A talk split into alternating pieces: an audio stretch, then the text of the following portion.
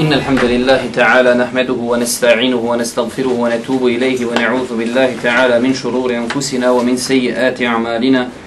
من يهده الله فلا مضل له ومن يدلل فلا هادي له. وأشهد أن لا إله إلا الله وحده لا شريك له. وأشهد أن محمدا عبد الله ورسوله. بلغ الرسالة وأدى الأمان ونصح الأمة وجاهد في الله حق جهاده حتى أتاه اليقين. صلوات الله وسلامه عليه إلى يوم الدين. ثم أما بعد.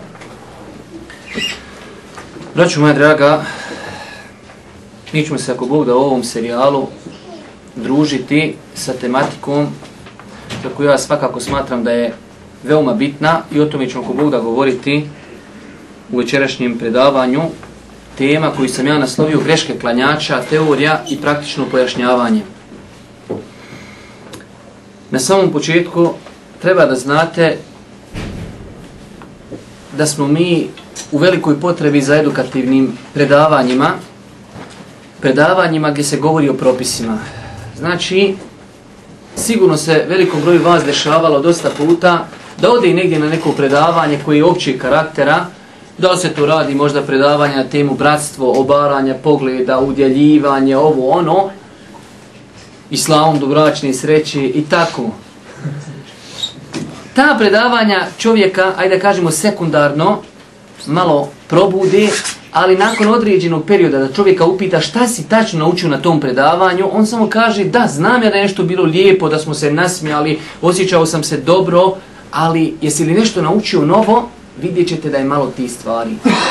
Zato, braću moja draga, mi mora da se učimo, da prisustujemo predavanjima edukativnog karaktera gdje ćemo učiti o propisima vjeri. I to je ono što nam treba.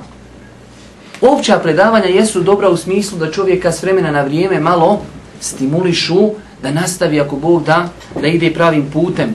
Ali ono što čovjeku treba u svakodnevnom životu, večeras nam to neće biti potrebno ako Boga. Onaj, ono što je potrebno čovjeku u svakodnevnom životu jeste, braćo moja draga, propisi, poznavanje propisa. Zato su islamski učenjaci govorili potreba za propisima i za znanjem je veća nego potreba za vodom i pićem. Čovjek ako još zaposti i zajutra se uri na već je iftari, dva puta jeo i dva puta pio vodu. Ali u toku dana koliko puta ti je potrebno znanje?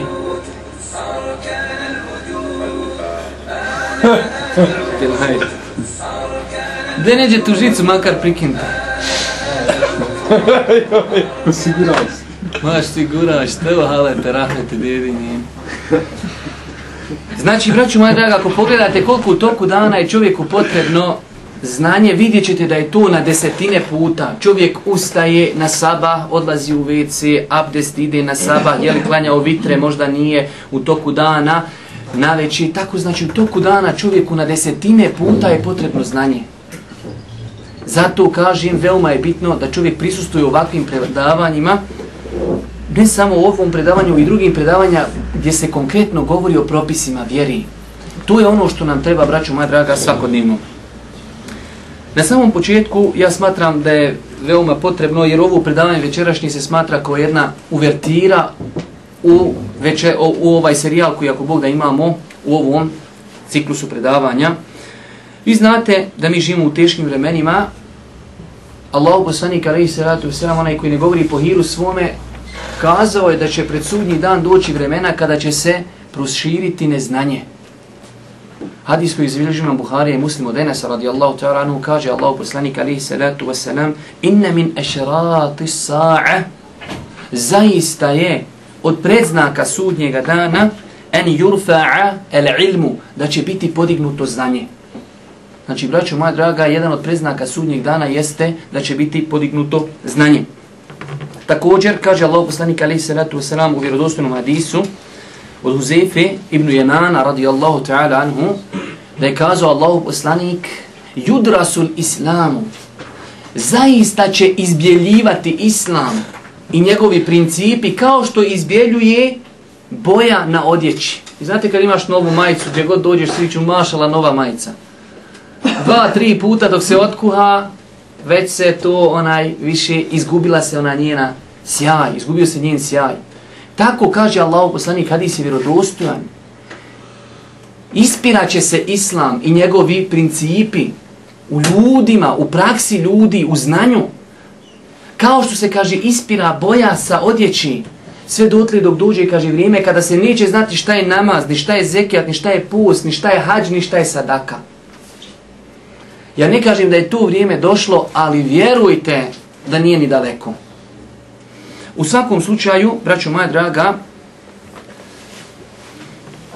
neznanje je jedan i tekako loš epitet koji se može naći pri insanu i čovjek svakako treba da se trudi maksimalno, našto kada u pitanju vjera, da odagna od sebe neznanje. Normalno mi, muslimani, radeći po onoj formuli koju ja spominjem čijesto i treba ispominjati zbog njene bitno, bitnosti, formula Huzefe radijallahu ta'ala koji zabilježi imam Buharija da kaže Huzefe, ljudi su pitali poslanika o dobru, a ja sam pitao poslanika o zlu, bojeći se da me to zlo ne zadesi. Tako i mi treba da govorimo o greškama koje čine ljudi kako bi ako Bog da iz našeg ibadeta te stvari izbacivali. Nažalost, toliko je neznanje u današnjem vremenu, ne samo da je primjetno neznanje u svakodnevnom životu kod muslimana, već je neznanje primjetno u temeljnim načelima vjeri. I to gdje? Ne samo kod nekog tamo bošnje koji jednom godišnje ode u džamiju, već je neznanje primjetno u pogledu namaza koji glavni temelj vjeri nakon šehadeta kod ljudi koji za sebe kažu mi smo sunetlije, mi smo sljedbenici Božijeg poslanika, vidjet ćete da imaju određene stvari koje nije potvrdila ulema. Zato je potrebno se govori i mi ćemo ako Bog da uzijeti sebi tako onaj jedan pravac, da ćemo pojašnjavati greške, a u isto vrijeme ćemo pojašnjavati ako Bog da i šta je to sve ispravno. Evo, pogledajte samo, ja mislim da ćemo se složiti, pogotovo ovdje sve populacija neka studentska, pa ćete vidjeti da tu se lako na matematiku izračuna. Zamislite, dnevno onaj ko obavlja pet vakata namaza, samo ko bi farze klanjao, samo farze, 17 rekiata mora klanja danas. Saba, podne, akšam, jacija i kindija, 17 rekiata. Kada bi na svakom rekiatu samo napravio jednu grešku, to je 17 grešaka dnevno. Isto tako, kada bi samo jedan sunnet propustio, to je 17 sunneta dnevno. Ja bih volio da neko bude na predavanju da kaže ja večeras nisam ništa naučio. Znači ako naučiš jedno, samo jednu stvar noćas, ti si uspjeh postigao.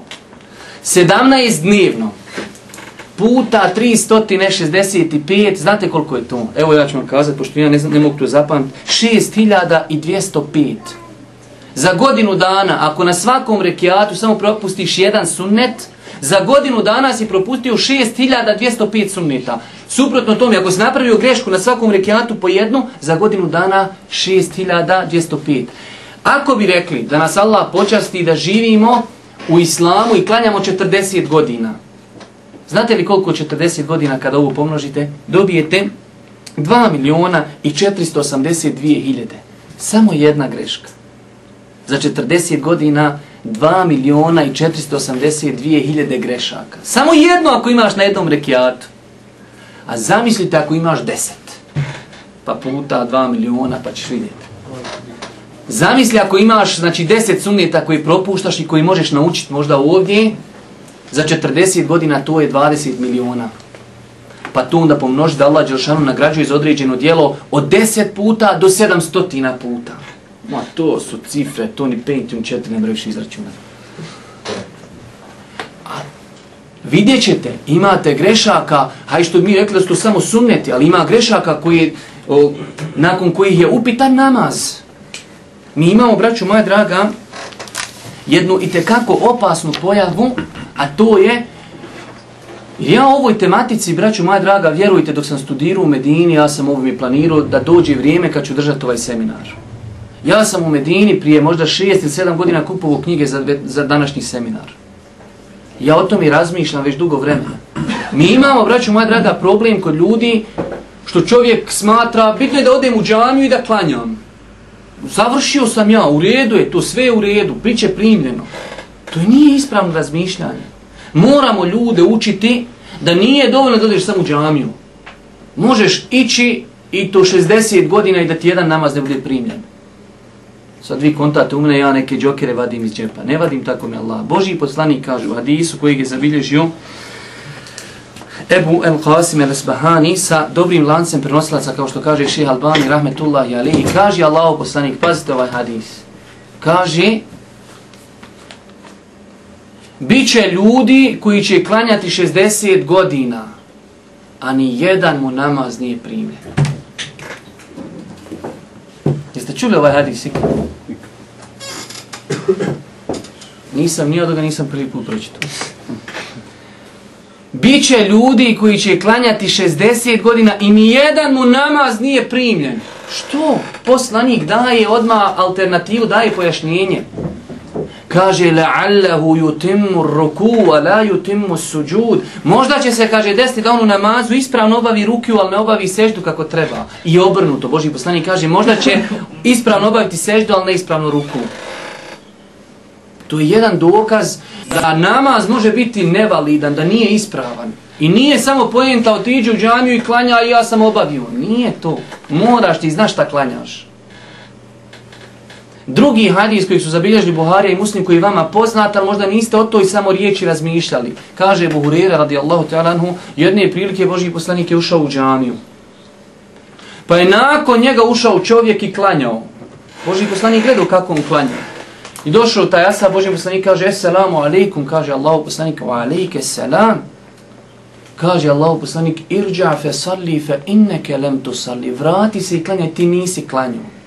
Ha? Negiramo ispravnost namaza. Ti nas nekom kažeš, je neispravite namaz. Šta neispravan namaz? Ma nemoj da te razbijem ko sjelcu. Ne smiješ čovjeku da mu je neispravan namaz. Ja sam bio, ja sam klanio i sad još mi neispravno. Kako to? E, fino. Boži poslanik kaže, irđa fe salli fe inne kelemtu. Idi, vrati se klanj, nisi klanio, kar, nisi klanio, negiram. I šta se desilo? Ošao čovjek klanju. I opet dolazi, jeselamu alaikum, wa alaike selam, irđa fe salli fe inne kelemtu salli. Vrati se klanj, nisi opet klanju. Pa još jednu, tri puta ga vratio. Kaže, والذي بعثك بالحق la uhsinu gajraha, alimni. Tako mi onoga koji tebe poslao sa istinom, ja ne znam, kaže drugačiji. Pa de me poduči. Tri puta mu kaže, džaba klanja, nisi klanjao Boži robe. Pa kaže Allah poslani, kada neko od vas stane u namaz, nek rekne Allahu akbar. Pa kada ode na ruku, neka, neka stane na ruku dok se potpuno smiri. Tu, tu, tu, tu, tu, tu, tu, tu, tu. Assalamu alaikum, assalamu alaikum. Eto ga. Potpuno se smiri. Kaže, pa kada se ispravi sa rukua, nek se potpuno smiri. Hatta tatuma inna qa imen. Dok se ne ispravi i smiri potpuno. Pa kaže, neka ode na seždu, pa nek se opet smiri. Pa ode sjeno, ode otava. Nek ide. Džaba ćeš klanjati. Džaba klanjaš. Odbi bruto, odbi neto. Šta ispadne? Džaba radio cijelo ljeto. To kaže naš Mustafa Efendić. Kad govori ljudima koji će doći na sudnji dan, a radili su dijela nakon, ono, petvarali se. Pa doješ na sudnji dan, tam se ta valuta ne troši. I što sad kad odeš tamo u Ameriku i poneseš im ovi naši šugavi kon, konvertibilni marak, kad će god pružiš, ne troši se čođe. Pa ljudi, pare! Ne troši se. Tako na sudnji dan dođeš, namaz, kljuco, ne troši se. Selam alikum. Znači, braću moja draga, ovo je i tekako bitna tema, veoma potrebna tema, kada je za vrijeme Božijeg poslanika bilo ljudi čiji namaz nije validan. A mi nalazimo se 1400 godina od smrti poslanika. Nalazimo se geografski izuzetno daleko, možemo slobodno kazati, na granici islamskog svijeta. I šta hoćemo? Da je u svih nas isprava namaz. To ti je ko da odeš i da se napiješ Bosni dole ispod zenci ne bi ja se dole napio ni pošto. Ali, neko se mora i dole napit. E to ti je primjer nas. Toliko smo mi daleko od izvora, toliko je vremena prošlo. I zato moramo učiti, zato moramo tražiti šta je Ulema kazala u tom poglavlju. Normalno, braću moja draga, mi imamo jedan problem da ljudi su neke određene stvari naslijedili Allaham ja ovo ne govorim smatrajući sebe najpametnijim i smatrajući drugi da su svi u dalaletu. Ali zašto se ne pomiriti sa činjenicom da je u našoj državi bio komunizam 50 godina? Da se nije smjelo ni klanjati, ni postiti, ni učiti, ni ništa. I zašto sada kada neko dođe i koga je Allah počastio da odje piti vodu na vrelu Bosni, Islama, to je u Medini, i donese nam ono što nam je rekla Ulema, i onda mi kažemo čeka, ja sam naučio da moraš potrt po vratu, ne potareš po vratu, odbi bruto, odbi ne topit. Ja sam naučio da moram učiti abdeske dove, pa nema niđe abdeskih dova. Znači imamo neke stvari koje smo preuzeli nasljedno, s koljena na koljeno. Zato je potrebno da se čovjek preispita. Za svaki pokret koji radiš u namazu, moraš znati što ga činiš. I to je jedna opet dodatna uvertira u jedno veliko pravilo. Braćo moja draga, ja znam da je možda ovo predavanje možda onako malo i podosadno, ali vjerujte su to veoma potrebne stvari svima nama. Ovo je temelj. Allaha mi.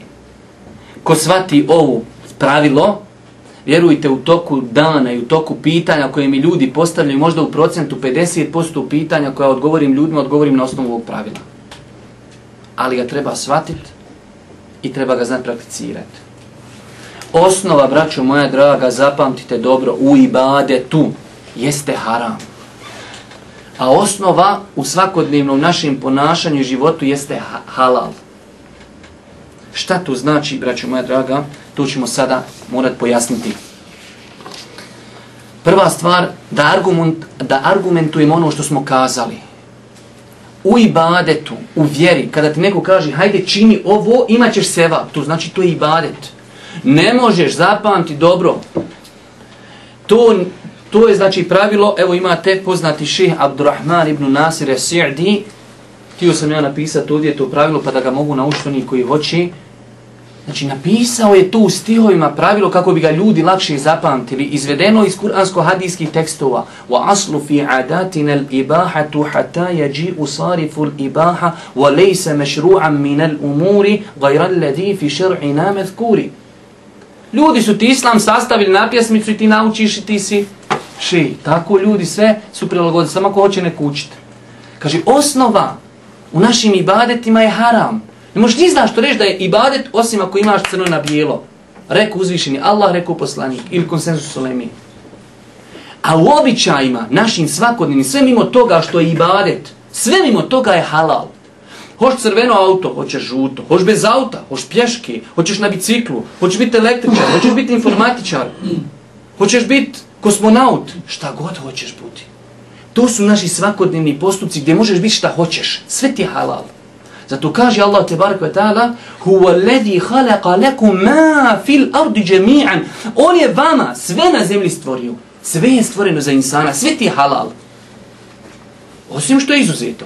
Dođe nam čovjek, kaže, ja bio zidar. Zidaj. Pa koš ponovo kineski zid, šta nas briga? Ali kaže, ja zidao diskoteku. E, ne može, x. Dođe nam drugi, kaže, ja bi bio trgovac. Pa trguj, brate poslanik je bio trgovac sallallahu alaihi wa sallam prije poslanstva trgovo sa hatiđinim novcem. Ali kaže, pošto je sad najbolje ide druga, ja bi to. He, x, ne može. Opet ne može. Znači, osnova je možeš biti, ali moraš pazi šta. Ali osnova da možeš biti. Ja bi odo na rukama, hodaj na rukama. Šta nas briga? Dok ne izdereš dlanove. Što onda vidi da svi hodaj na nogama. Znači, možeš u ovo dunjalučkim stvarima biti šta hoćeš i kako hoćeš. Sve ti je halal. Ona hoće nosi rolku, nosi rolku. Ova hoće kratki rukav, nosi kratki rukav. Ova hoće žuto, nosi žuto. Ova hoće nosi crveno, nosi crveno. Iako, znači, pogledu žute boje ima onaj razilaženje. U svakom slučaju, znači, osnova je da može. Dok u ibadetima, kad neko kaže uradi, to je sevap. U redu, ali daj mi crno na tijelo.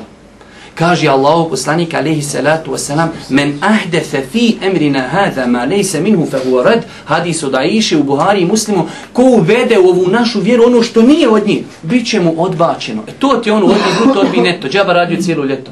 Čovjek se slomio radi radi radi. Ali Božji poslanik kaže ko uvede u vjeru ono što nije od nje biće mu odbijeno. Biće ti odbijeno na sudnjem da što džaba radi? Što god nema podlogi, Men ahdefe fi emrina hada, ko uvede u našu vjeru. Tu je hoćeš izmišljati rakete, avione, kamione, to nije uvjeri. Zato kad dođu tamo neki zapadnici, kažemo, muslimani nazadnji, oni neće tehnologiju. Nije to ispravno, braću moja Muslimani idu za tehnologijom, pravi muslimani. Ovi polovni na baterije, oni neće ni vjere, ni to će tehnologije. Radi se da nije dozvoljeno izmišljati stvari u vjeri. Em lehum šuraka šara'u lehum mine dini ma lem je'zem bihilla. Zar oni imaju bogove koji propisuju od ibadeta ono što nije Allah propisao? Šta ovo znači? To znači da Allah jedini propisuje ibadet. Zar oni imaju božanstva koja propisuju neke ibadete koji nije Allah propisao? Jedini koji ima pravo da propiše ibadet jeste uzvišeni Allah, te barak ta'ala, njegov poslanik. Zato kažem, ovo pravilo, braćo moja draga, je veliko pravilo i treba ga zapamtiti. I na osnovu njega Allah i mnoge stvari su u životu lake. Kada je u pitanju dunjalučka stvar, može li, može li, može, sve može, osim onoga što je izuzeto.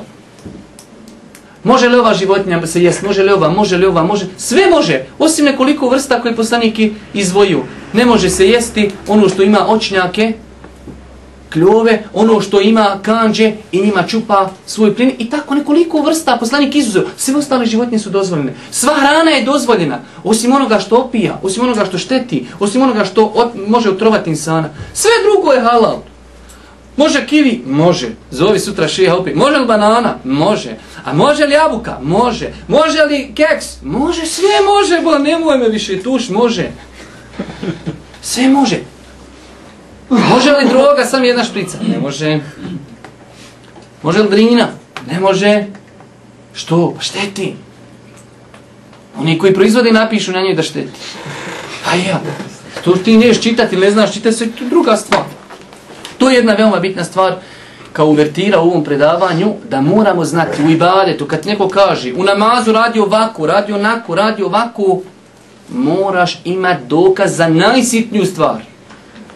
Kad ti kaže stavi ruke ovako, raširi prste, spoji prste, okreni i gore, okreni i dole, gledaj gore, gledaj dole, za sve mora biti dokaz. Nema dokaza, nema priče. Malo prije sam spomenuo neki primjer. Kod nas ima neko nepisano pravilo, moraš noge da stavi četiri prsta. To. Staviš ovako ruku, kao šablon, i noge spojiš dobro, i to je to. Otkud? Gdje? Se privalite jednu stranu. A nema veze, ajde, i da se ne privalim, nema veze, sad to je drugo pitanje. Ali otkud četiri? Evo, šta će onaj čovjek koji ima debele prste? Ili ona ima tanke? Nema prsta. Nema prsta. Pa stavi ovaj jedan ovako sa strane. I tako. Šta će onaj koji ima ruke?